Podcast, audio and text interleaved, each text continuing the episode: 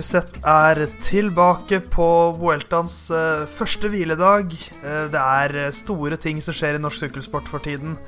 følger på mange måter opp den flotte seieren i Tour de l'Avenir med å vise at det er stor bredde i norsk sykkelsport. Og det er Theis her og Simon som skal ta deg gjennom det som har skjedd den siste uka.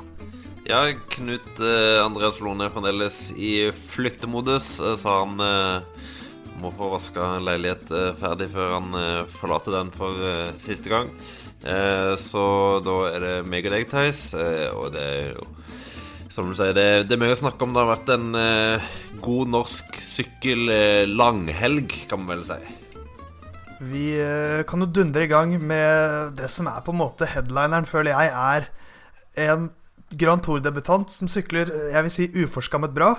Carl Fredrik Hagen etter ni etapper av Vuelta i Spania, eh, og mange av dem ganske krevende fjelletapper, så er han altså nummer seks i sammendraget i uh, of Spania. Hva, hva, skal vi si om det, Simon? Uh, nei, det kan vel si at det er fryktelig på. det, det, har vært en, en hard start, som du sier. Det er flere som har sagt at det er noe i nærheten av den tøffeste første uka de har vært har vært gjennom. Så det har vært en veldig, veldig hard start. Fire ryttere har jo skilt seg helt klart ut, og Pogacar har òg vist seg veldig god.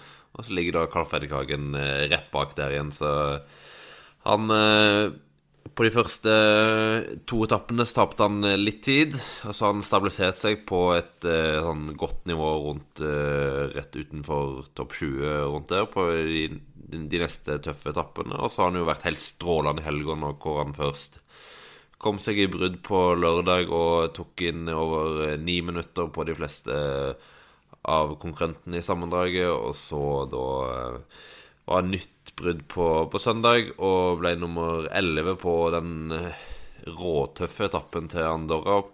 Sannsynligvis den tøffeste etappen i hele rittet.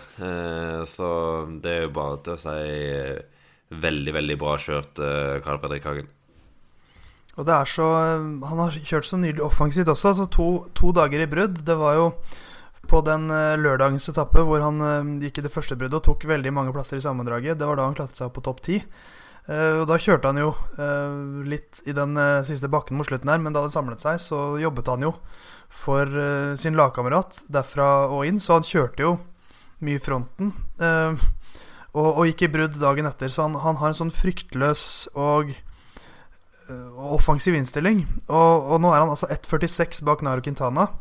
Uh, det er selvfølgelig slik at hvis du fjerner tid du har tapt, så kan du ikke kjøre som du har gjort. Men sånn rent teoretisk, hvis vi fjerner Hvis, uh, hvis han hadde hengt med sitt, sitt lag på lagtempoen, så hadde han jo hatt en enda bedre tid.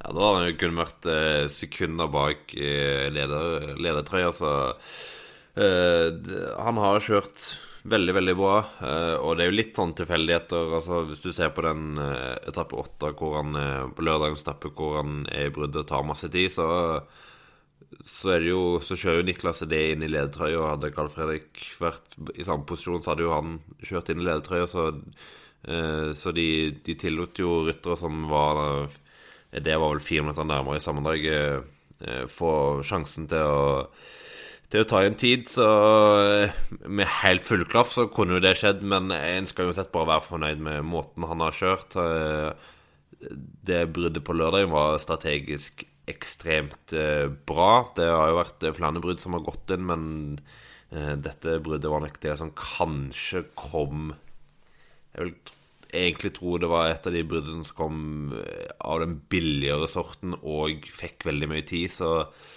det har vært en eh, fantastisk eh, første uke for han. Eh, og nå gjelder det bare å bygge videre på dette. Eh, vi kan jo si at Karl Fredrik Hagen er jo ikke den sjette sterkeste rytteren i, i, dette rittet. Det handler jo om at han har tatt tid på veldig gunstig tidspunkt pga., som du sier, han har vært et stykke bak. Men eh, han er nok blant de kanskje 10-15 sterkeste rytterne hvis du skal en kjøre et sammendrag nå. Og han kommer nok ikke til å falle så vanvittig mange plasser ned. Jeg tror han i hvert fall er topp 15 hvis han fortsetter i samme spor når vi kommer til Madrid. For det er jo det litt som er hans måte å kjøre denne Grand Touren på, uh, er jo at han kan gå i brudd, ta igjen tid, og så gli litt nedover sammendraget. Så får han frihet til å ta et nytt brudd, og så kan han ta enda et jafs.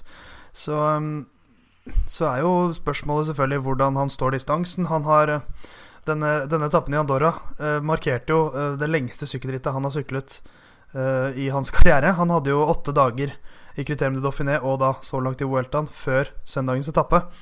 Uh, og han viste jo at han i hvert fall klarer ni dager veldig, veldig fint.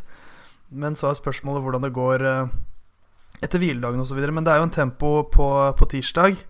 Jeg tror ikke den blir noe som helst problem. Jeg tror ikke han kommer til å tape så veldig mange plasser. Kanskje han ikke taper noe i det hele tatt. Hvis man ser på rytterne som er bak han, så er det jo ikke enorme tempokanoner.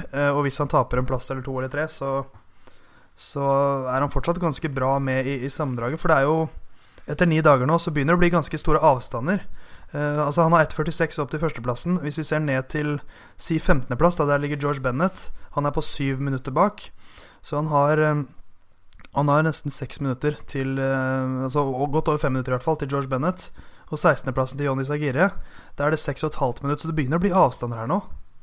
Uh, ja, til Johnny Sagire så er det vel faktisk eller er syv? Over åtte minutter. Han er over ti, ja, ti minutter bak i sammendraget. Så, så det begynner å bli god avstand nedover. Eh, så jeg syns topp 15 ser faktisk veldig realistisk ut nå. Og, og det, eh, det, det er over det, de forventningene vi hadde før start. Eh, du tipper vel 17.-plass som den mest optimistiske av oss. Jeg tenkte jeg tok litt kraftig, jeg. Ja, eh, men klart, altså nivået Carl Fredrik viste i de første første fjellavslutning sånn, tilsvarer jo mer rundt en 20.-plass eller sånt. Men eh, så har du jo det at det er mange av de rytterne som vil falle fra. Mange av de som ikke satser så mye i sammendraget, eh, satser mer på enkeltetapper. Eh, og så har du selvfølgelig det aspektet at det har dessverre vært mange rytter som har krasja ut. Eh, du har Uran ute, du har uh, Roach ute, uh, og, og flere. Og det setter jo selvfølgelig sine spor, men Men uh, Kagen kommer nok til å bite fra seg utover i rittet. Det, det, tror jeg, som vi har vært inne på før, det er ingenting som egentlig tilsier at han skal slite veldig utover et sånt ritt, for det er jo egentlig disse rittene han er som skapt for. Han er det, eh, og det er så det, det, Man merker jo at nordmenn har vært litt sultefòra. For, eh, for alle skjønner liksom hvor gøy det her er. Det virker som om veldig mange syns det er veldig gøy. Så skjønner folk at man skal ikke forvente at han blir nummer seks til slutt. Men, eh, men vi er jo 90-tallsgutter alle, alle, sammen i Musette, Simon. Og vi har vel ikke hatt en norsk topp 20-plassering etter at vi ble født? Har vi det i en Grand Tour? Eh, nei, jeg tror ikke Jeg kan i hvert fall ikke huske noe. Jeg, tr jeg tror uh, siste topp 30-plassering i en Grand Tour kom fra Olof Lurvik i 1988. Så uh, jeg syns det jeg så på Twitter her uh, i går Jeg tror det var Erik Markussen som skrev det. Så, så det har vel ikke skjedd, nei. Men så er spørsmålet Skal vi driste oss på et nytt topp 10 topp Topptips på Kalle? Er det noen som tør å gå høyere? Jeg, på, jeg har lyst til å gå høyere enn, enn 17.-plassen min. Ja, som sagt så tror jeg topp 15 er, er, veldig mulig. Eh, jeg tipper denne på en sånn 13.-plass. 9.-plass, sier jeg. Oi, oi, oi. Ja, det, det er fredig. Det hadde vært eh, Det hadde vært eh, fantastisk, selvfølgelig. Så får vi se om han klarer det.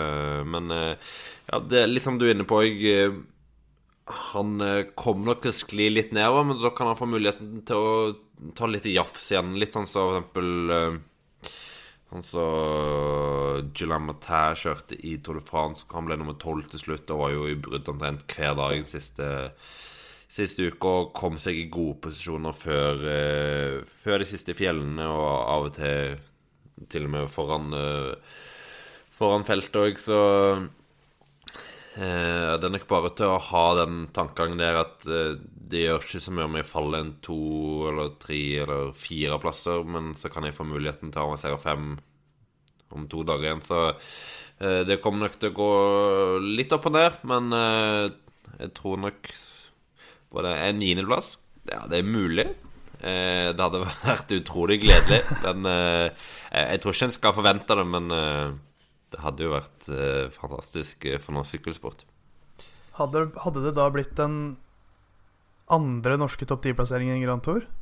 Dag Erik Pedersen har en tiendeplass fra, fra Giron i 1984. Det er, vel, det, det er vel den eneste, er det ikke det? Eh, ja, Jostein Wilman har vel en 14.-plass for Tour de France som den beste norske sammenlagtplasseringen. Eh, I Weltland har jeg ikke noe sånn i hodet, men eh, eh, det stemmer, tror jeg. Jeg tror jeg skrev en sak på det her hvor jeg nevnte Wilmans 14.-plass og Pedersens eh, 10.-plass som de beste norske sammenlagtresultatene. Så, så det, det er nok helt korrekt, det. Så det, vil, det ville jo vært helt uh, utrolig. Jeg er Carl Fredrik Hagen, syklist på Lotto Sodal, og du hører nå på podkasten Musett.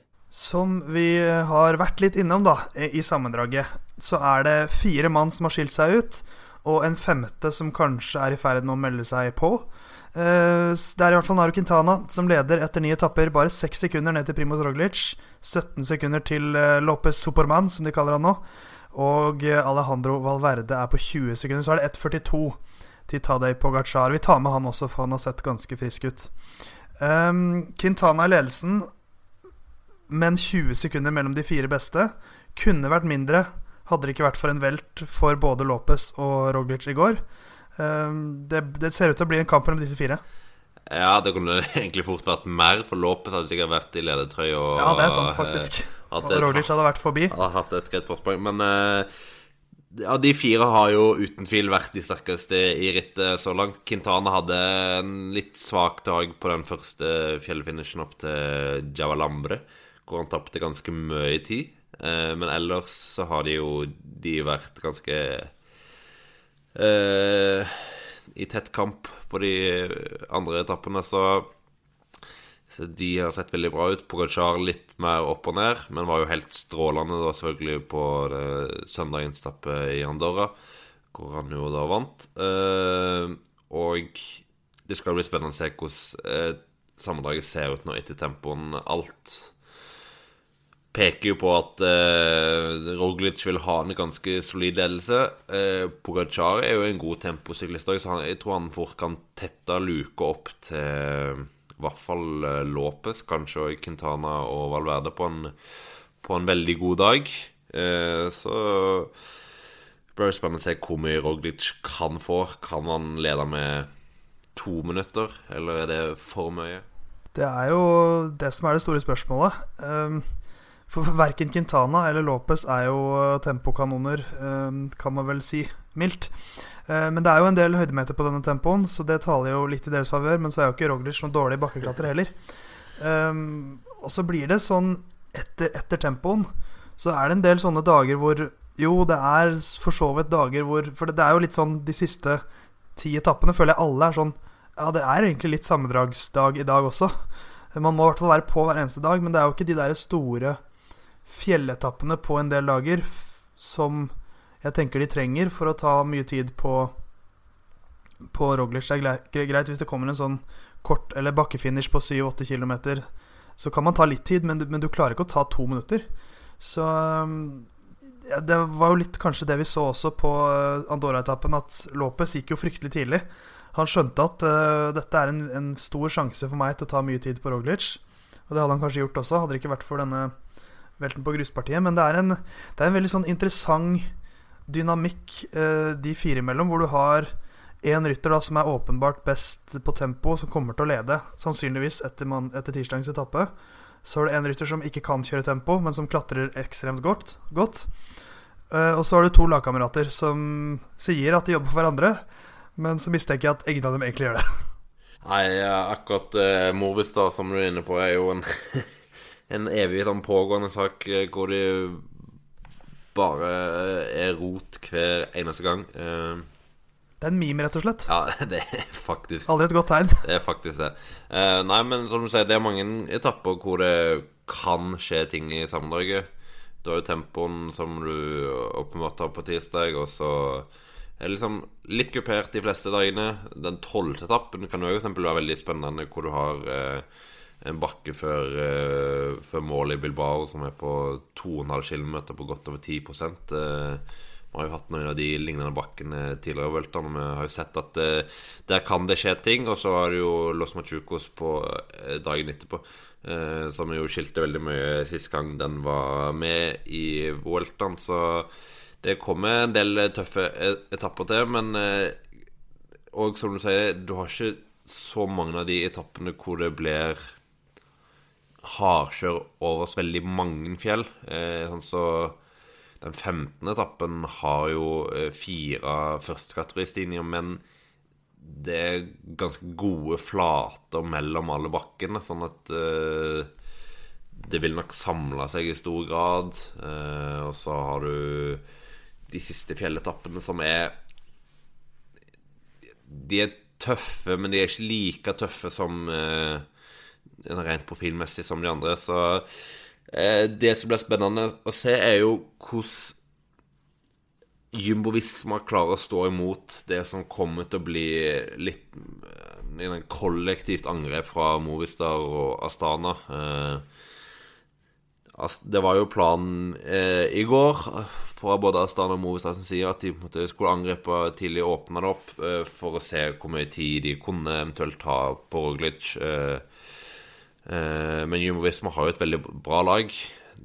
Sjøl uten Kreuzweig så, så fikk jo Roglic strålende hjelp oppover og sparte seg jo egentlig mer eller mindre til den siste til det siste fjellet, eller til etter velten på gruspartiet. Men klart, hvis du skal teste det laget dag etter dag etter dag, så kan det jo være at det sprekker en gang. Men Roglic ser fremdeles veldig skarp ut mye om de fire beste nå, men vi har jo en, en femtemann her eh, som jeg tippet skulle ta andreplassen i altså, Etter de første åtte etappene så tenkte jeg ok, det kom ikke til å skje. Men etter måten han syklet på i Andorra, så er jo rittets yngste rytter også på vei oppover. Så han har jo litt mer å ta inn på de andre enn enn det de har. Så en outsider, men han er jo faktisk med i poliokampen. Og da også med i seierskampen, føler jeg. Ja, absolutt. Og det blir spennende å se hva han kan gjøre på tempoen nå, nå på tirsdag. Han er en ganske god temposyklist, har vi sett flere ganger i år. Så kan nok ta tid på alle utenom Roglic. Kanskje Valverde klarer å holde seg på samme nivå.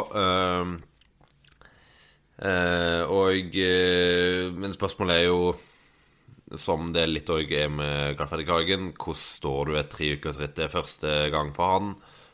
Og en vet aldri helt hvordan det slår ut, spesielt i den siste uka. Hello, I'm Alberto Contador and listen to Muschets.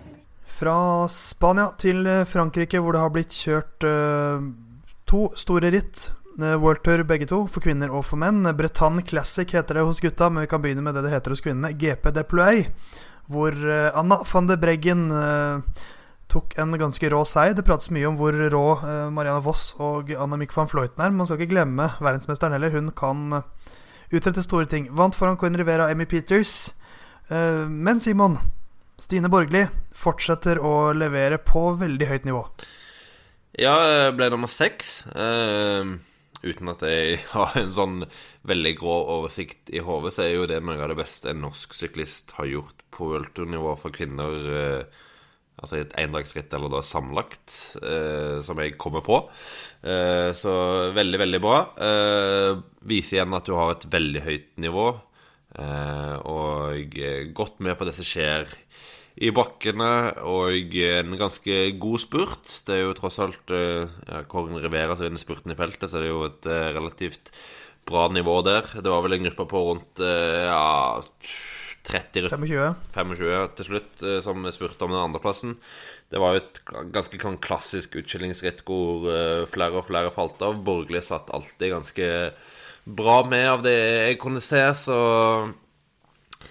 Eh, hun kjørte veldig bra, og det skal bli spennende å se hva hun kan få til i VM, for der møter hun en løype som ikke er helt ulik, med litt bakker opp og ned hele dagen. Eh, og da vet vi at eh, spurten hennes er ganske god til slutt, så eh, Nei, Stine Borgli ser veldig bra ut om dagen. Eh, kommer jo fra niendeplass i Vårgård, da. Eh, Lady Store ble litt bomtur, men imponerte jo på sett og vis når hun nesten klarte å henge med Marianne Foss opp til festningen der, så uh, Sjetteplass i, i Ploé, så um, hun uh, har et stabilt, veldig bra nivå. Uh, så gjelder det Hvis du klarer å finne en sånn ekstra liten toppform inn til VM, så blir det jo veldig spennende. Det som er interessant med alt det du har sagt nå, Simon, er at hvis vi erstatter navnet Stine Borgli med Amund Grødal Hansen, så kan du si nesten nøyaktig det samme. Uh, han ble nummer fem i Bretagne Classic på søndag, altså guttas eh, variant. Som nå har blitt uh, Dette er et ritt som, uh, som Alexander Kristoff vant for fire år siden, i 2015. Så man skulle jo kanskje tro at det var et spurtvennlig ritt, men det har blitt veldig mye tøffere siden den gang. Du sa vel før vi startet opptaket her, Simon, at det hadde blitt ca. 1000 høydemeter mer sammenlignet med i fjor. Så eh, det er jo noe som merkes. Eh, så det var Sepp van Marke, Tiers Benot og Jack Haig, tre notoriske ikke-vinnere, som gikk av gårde. Så det er utrolig at de tre klarte å finne en vinner. Eh, Sepp van Marke klinka til med 800 meter igjen, og Tiers Benot og Jack Haig satt og så på hverandre litt. Og da tok Sepp van Marke sin aller første World Tour-seier. Tenkte at han skulle klare det. Det er ganske sjukt. Um, Mikael Wahlgren gikk fra en uh, litt mindre gruppe mot slutten og ble akkurat nummer fire foran Amund Grønland Hansen som slo Greg van Avermaet og Benoit Cosnefoy, og Tim Wellens i spurten om, eh, om femteplassen. Um, men det som kanskje er enda bedre her, er at Amund viser at han kunne vunnet det rittet. Han var jo mer enn sterk nok til det. Det er ofte litt tilfeldig hvilke grupper som da går av gårde umarkert. Ja, det, det, er ganske tilfeldig. Jeg satt og så på litt i går når jeg kom hjem etter å ha vært uh, ute på U23-NM, og jeg skulle liksom bare se hvordan den gruppa skal av gårde, for jeg så de siste fem kilometerne. Men uh, Amund går jo på et angrep eh, rett før. Det her skjer vel med rett over to mil igjen. Uh, og så responderer feltet og henter det inn, og så går det rolig en halv kilometer, og så går det et nytt sted, og så blir bare samarbeidet i feltet elendig, og de holder unna. Det er mange ryttere som kommer opp bak, for Amund stopper opp to kilometer senere. Eller han stopper og stopper opp, han gjør det i farta, men han tar tissepause to mil fra mål. Det er ganske sjeldent å se bare det. Eh, så det stopper helt opp, og da fikk jo de plutselig ett minutt. Og det er som du sier, det er litt tilfeldig. Det, det kunne like godt vært Amund som gikk av gårde i en sånn gruppe. Så uh, for øvrig en veldig spesiell finale. Jack Haig kjører en forferdelig finale, men det er jo fordi han aldri omtrent har vært i en sånn situasjon før, tror jeg. Så van Marke eh, spiller den veldig bra, mens Benot ja, roter det bort litt. Men så, som du òg sier, tre veldig notoriske ikke-vinnere, så kanskje ikke så overraskende.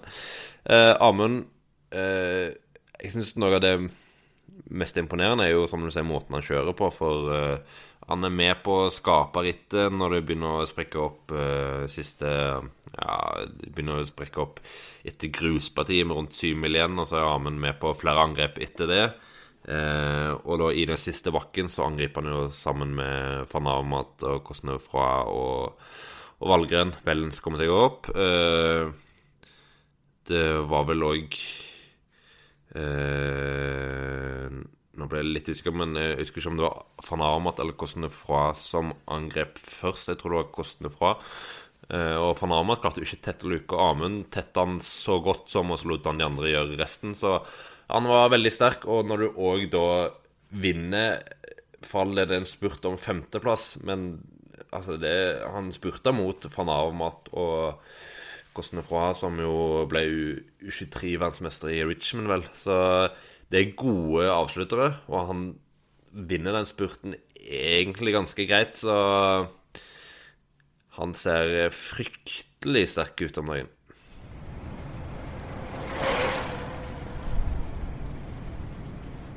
Veien er ikke lang fra Frankrike til Tyskland, hvor eh, jeg syns det er veldig gledelig at Deutschland Tour har, eh, virker å stå veldig stabilt nå. Eh, arrangert for andre år på rad. Etter en lang pause. Ble jo da arrangert i fjor for første gang siden 2008.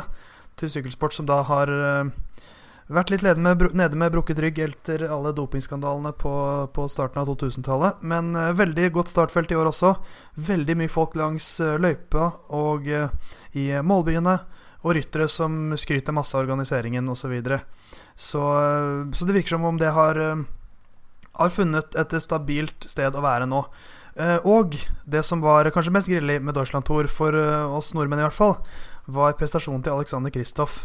Han ble nummer to da på åpningsetappen, der Pascal Ackermann vant. Ingen bombe at han ikke klarer å slå Ackermann i en ren duell.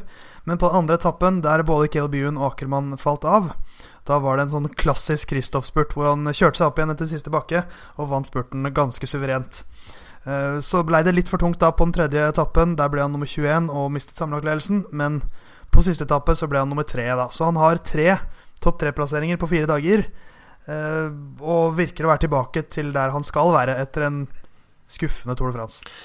Ja, det så veldig bra ut. Uh, Eh, veldig kule løyper. Eh, litt sånn i grenseland med om det er en spurt, eller om det er mer bakkesterke ryttere som eh, klarer å komme seg unna. Så, så da får du et ritt som krever angrep, og det, det fikk vi jo. og det, det er alltid spennende å se på. Uh, spesielt den andre etappen var jo faktisk veldig, veldig spennende.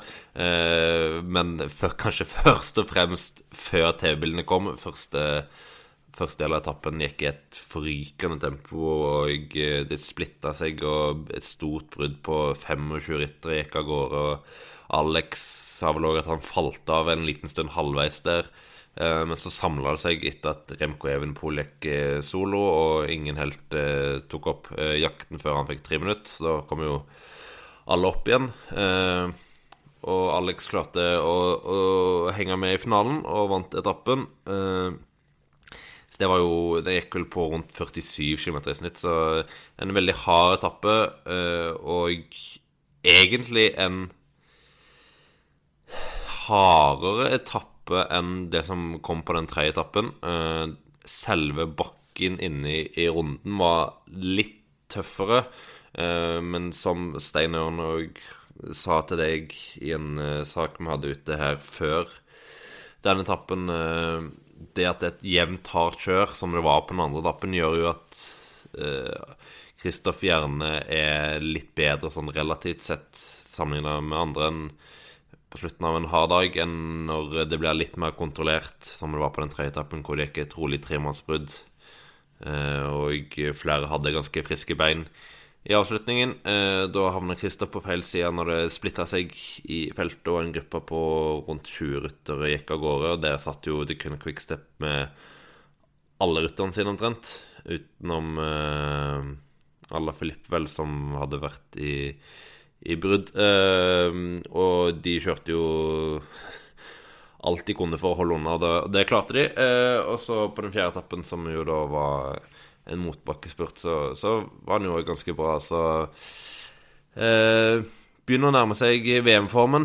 Det er jo det en håper å se. Eh, det, det, som sagt så var det jo en del tøffe finaler, og at han da henger så bra med, lover jo veldig bra. Eh, når du òg legger til at VM blir et ritt som er ganske mye lengre, og har en mer sånn jevn eh, slitasje over tid, så, så, lover jo det veldig bra for hva Kristoff kan eh, få til det. Ja, Hvis vi spinner litt videre på, på VM-debatten, da. Eh, litt som, som Stein Ørn også var innom, at eh, Deutschland Tour er egentlig en ideell oppvarming til, eller oppladning til, til, VM. Og selv om man tenker at tyske veier er eh, god standard, så er det litt sånn, eh, krev, sånn tung asfalt som du ikke triller så veldig godt på, litt sånn som den britiske. Eh, og løypeprofiler der som også er ganske sånn kuperte. Så eh, vi har jo to nordmenn nå som viser Eller vi har vel kanskje tre nordmenn hvis vi tar med Odd Kristian Eiking òg, selv om han har hatt litt sykdom. Men han har vært bra i høst. Men primært, da. Det norske laget til VM. Alexander Kristoff sier seg selv han skal, sånn som han vanligvis leverer, kjøre som kaptein. I hvert fall en eller annen slags rolle som kaptein. Men eh, Amund Grøndal Jansen melder seg på. Ja, Amund eh, Grøndal Jansen melder seg absolutt på. Eh, hvis du ser den løypa i Britannia, så er jo den eh, Den var på 25 mil. Eh, på rundt 3600 høydemeter eller noe sånt. Så det er flere høydemeter enn de møter i VM-løypa i Yorkshire. Den er jo noen mil lenger igjen. Eh, så Amund kommer i hvert fall til å stå en sånn løype sånn med tanke på bakkene. Det er jeg ganske sikker på. Uh, og distansen virker heller ikke til å være et problem for han. Han har jeg syns alltid han har gjort det ganske bra i, i, ganske lange ritt, så jeg frykter ikke det i det hele tatt. Og måten han kjører på nå, så indikerer jo at han uh, fortjener egentlig Jeg syns han fortjener en delt kapteinsrolle ved siden av Kristoff, egentlig. og la han være den som skal angripe eller følge i bakkene mens Kristoff sitter og venter på en spurt den rollen vi egentlig har sett Edvard Boasen Hagen har de siste årene. Men akkurat nå så syns jeg Amund ser bedre ut enn hva Edvald gjør. Eh, så avhenger det selvfølgelig av at eh, hva Edvald nå gjør utover veltene. Han kan fremdeles eh, plutselig vinne en etappe der, og så, så snur det litt på tingene igjen. Men ja, jeg tror det blir eh, hvert fall Jeg tror i hvert fall Amund og Kristoff kommer til å få sine sjanser i VM. Eh, så må en selvfølgelig se Hvis begge to sitter der eh, inne på de siste tre kilometerne, så regner jeg med at Amund gjør et slags opptrekk for, for Alex eller noe sånt. Men uh, han, uh, han, fortjener å ha en større rolle enn en ren hjelperytter, sånn som han kjører nå. Jeg er Carl Fredrik Hagen, syklist på Lotto Sodal, og du hører nå på podkasten Musett. Vi vandrer videre fra, fra kontinentet til, til, nord, til Norge, til den norske sykkeluka. Um, og begynner med at vi endelig har fått en ny U23-mester for gutta. Og ikke så overraskende, kanskje, at medalje, et medaljen, uh, trøya, mener jeg, ble hos Uno X. Men de måtte jobbe litt for det. Ja, det De fikk god kamp. Uh, Coop stilte jo ikke til start. Joker stilte ikke med to ryttere av fem tilgjengelige. Eh, og Unek stilte da med åtte ryttere. Eh, de savna jo f.eks. en type som Andreas Leknesund, da. Men eh, et eh, bra lag på start. Eh, men de fikk eh, som sagt god kamp mot klubbrytterne. De, de, tok jo kontroll egentlig fra start og var alltid i overtall i de forskjellige gruppene de de satt i. Eh, Torjus Lehn var aktiv underveis. Var først med i et seksmannsbrudd hvor hun vekst hadde tre ryttere. Og så var han solo en god stund. Eh, ble henta på den siste runden. Der var det angrep fra Jonas Iversby Widerberg, Ivar Skåseth. Eh, og så kom Ida Andersen seg av gårde i en gruppe sammen med Andreas Staune Mitte fra Ringerike. Eh, og de to kom sammen inn på den siste kilometeren. Eh, og der var Andersen ganske klart best. Staune Mitte satte òg på et ganske tullete bakgir som gjorde at han kun hadde to mulige gir, så han hadde skjelt det som trengtes for å svare på, på rykket til Andersen. Så gull til Uno X, men klart ikke like overlegent som i fjor, hvor du jo vant trippelt. som det var Jens Haugland som sa det og eh, siterte da videre fra Tobias Foss at eh, jeg må jo òg stole på, på, de kortene en har. Eh, og da, da, valgte de å stole på at Ida Andersen var god nok til å, til å, ta det gullet, og det viste han seg god nok på. Det var han jo, så som du sier, ikke like suverene. Men det er jo en, en trøye der som man forventer litt at Uno X skal ta. Det er jo, for meg i hvert fall, så er det litt som det er for high-tech i kvinnenes senioritt. Kanskje i Det er ikke like stor grad nå lenger, nå som vi har større bredde, men, men det er jo sånn at de Jeg vil ikke si pinlig, men de bør jo vinne den trøya. Ja, de, de bør jo det. Ida Andersen òg sa det at uh, At uh, de, de, burde det når jeg snakket med han etter, etter målgang, så de klarte det. Og det, det er veldig viktig for dem. Og Den er ikke òg spesielt viktig måte, siden de har eh, branda seg som et utviklingslag og har satsa så mye på 23-rutten at de da klarer å, å vinne, vinne den trøya. Eh, så forventa, men òg godt levert. Team Coop kjørte ikke i NM, men de kjørte i Belgia i helgen. De kjørte på søndag i GP IF Scherens. Der var Louis Bendiksen deres beste. Han ble nummer 14. Dagen før så var det omlopp Mandel. Der var August Jensen med. Også det er et belgisk endagsritt. Han ble da nummer åtte. Dagen etter, så også da i GP Jeff Sherens, så var det Tom van Asbrock som var den beste for Israel Cycling Academy, mens August Jensen var litt, litt lenger, lenger, bak. Um, og så er det Tour of Britain som starter til helgen, vel, Simon? Ja, det starter på lørdag. Uh, ja, lørdag. Uh, hvor i hvert fall Amund Alliansen stiller på start. Han har fått det rett inn istedenfor de to rittene i Canada. En mye bedre oppladning til VM. Han har jo nå hatt en en del rittdager etter Tour de France, men med Tour of Britain så er han oppe på 19, så det er jo mindre enn de som fullfører Vueltaen og spredd over, et, eh, over mer tid og med gode hviledager innimellom òg, så det er nok ikke noe problem. Uh, Tour of ser ut som et ritt som uh, passer ganske bra. Et par litt tøffere finaler. En uh, tempo på 14 km, og Jumbo Visma Kommer nok med et uh, sterkt lag. Jeg tror både Tøynesen og Grønevegen skal kjøre der, så uh, Da skal nok de prøve å se på litt opptrekk på flatere etapper. Tøynesen og Amund uh, kan sikkert òg gjøre, gjøre, det bra i sammendraget. og det er mange norske deltakere som skal sykle ritt i helga. Vi har òg Burson Cycling Classic på på lørdag, hvor Kristoff og Stake Langen stiller til start for UAE. Eh, de to stiller òg i Grand Prix Formier dagen etterpå, hvor eh, de òg får eh, besøk av Sondre Enger, som gjør sitt første ritt siden Arctic Race, og Odd Christian Eiking, i hvert fall. Og så har vi òg Vi har tre norske UCI-ritt denne helga. Begynner med Hafjell TT. Eh, er vel som er navnet på, på fredagen. En eh, tempo. Eh, den er vel på litt over 20 km.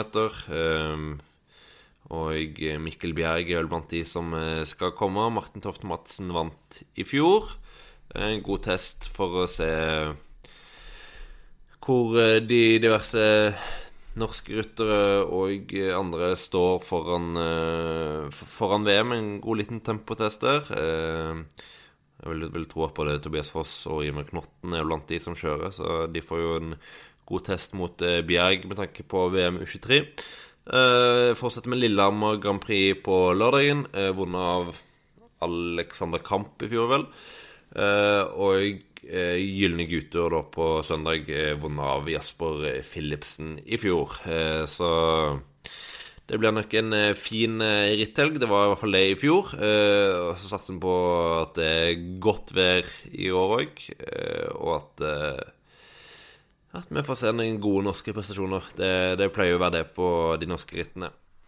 Så få med deg det. Uh, før det er det også Bolls Balls Ladies Tour, hvor Hightech stiller til start. Det er Julie Meyer Solvang, eneste norske rytter fra Hightech-laget, som skal sykle der.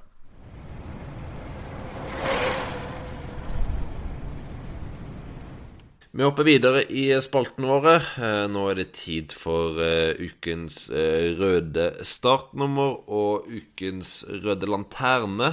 og vi begynner med den røde laternen, eh, Theis, eh, som går til en rytter som eh, Ja, han er ikke sist i, eh, i Volta i Spania, men han eh, han får en metaforisk sisteplass for det han gjorde på vei opp til Andorra. Det får han definitivt. For det er en, en situasjon på søndagens ekstreme etappe i Andorra som, uh, som jeg kanskje husker best, nesten, fra den etappen. Det var et brudd som gikk av gårde.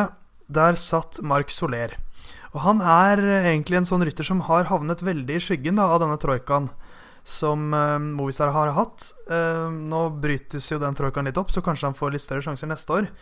Uh, men Mark Soler har blitt en sånn type som Movistar veldig ofte sender i brudd. eller som kjører en ren hjelperytterjobb. Sendes ofte i brudd, og så slippes han ned for å, for å hjelpe enten Quintana eller Valverde eller Landa eh, når vi kommer til siste fjellet. Eh, på søndagens etappe så ledet han inn i den siste bakken.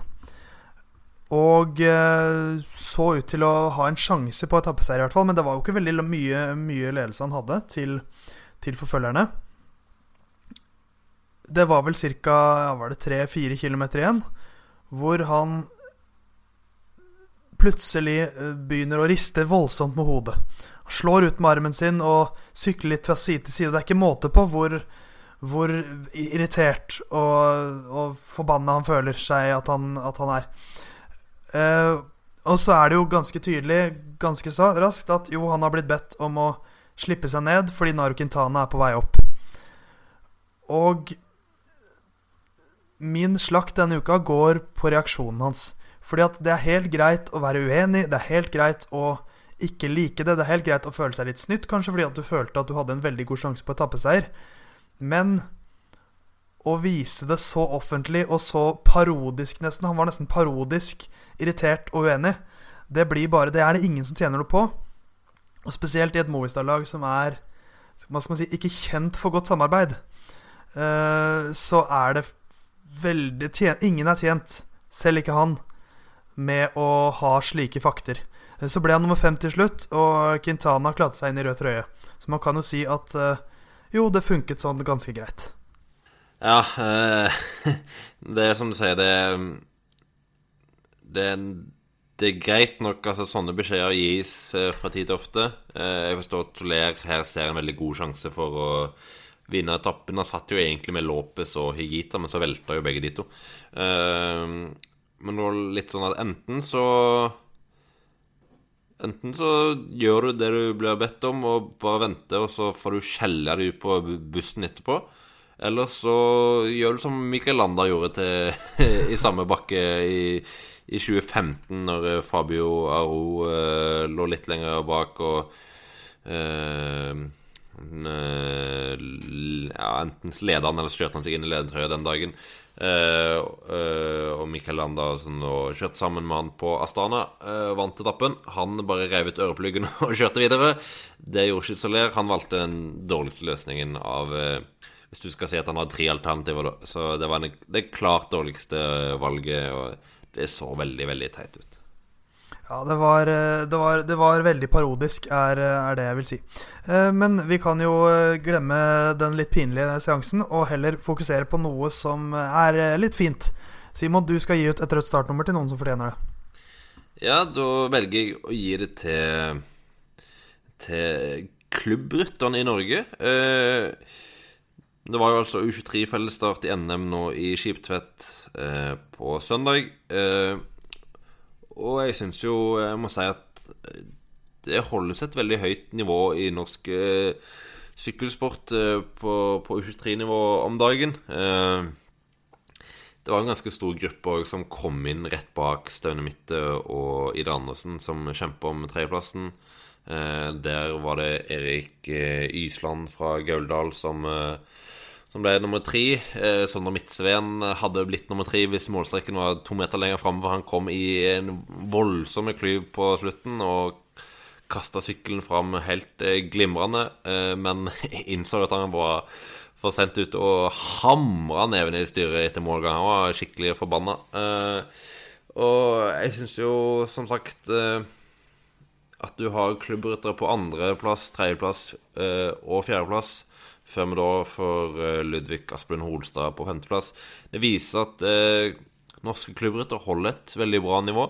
Det var vel òg klubbrytterne som sørga for at Sleden ble henta inn eh, på, den, eh, på de to siste rundene. Så jeg syns de skal ha honnør for, eh, for hvor bra de kjører. Eh, De får ikke veldig mye oppmerksomhet, men det er veldig mange ryttere som legger ned veldig, veldig mange treningstimer gjennom hele året og har eh, omtrent like dedikert liv som eh, kontinentalryttere og eh, andre ryttere på høyere nivå, eh, men som i større grad balanserer en satsing med studier eller deltidsjobber eller noe sånt. Men de, de gjør jobben og holder et veldig bra nivå. Og så er det noen av de som er heldige nok til å komme gjennom nåløyet og få plass høyere opp i hierarkiet. Men i hvert fall en liten honnør til, til veldig mange eh, unge rutter som gjør en veldig god jobb. Eh, for U23-nivået i Norge er, det er ganske bra om dagen.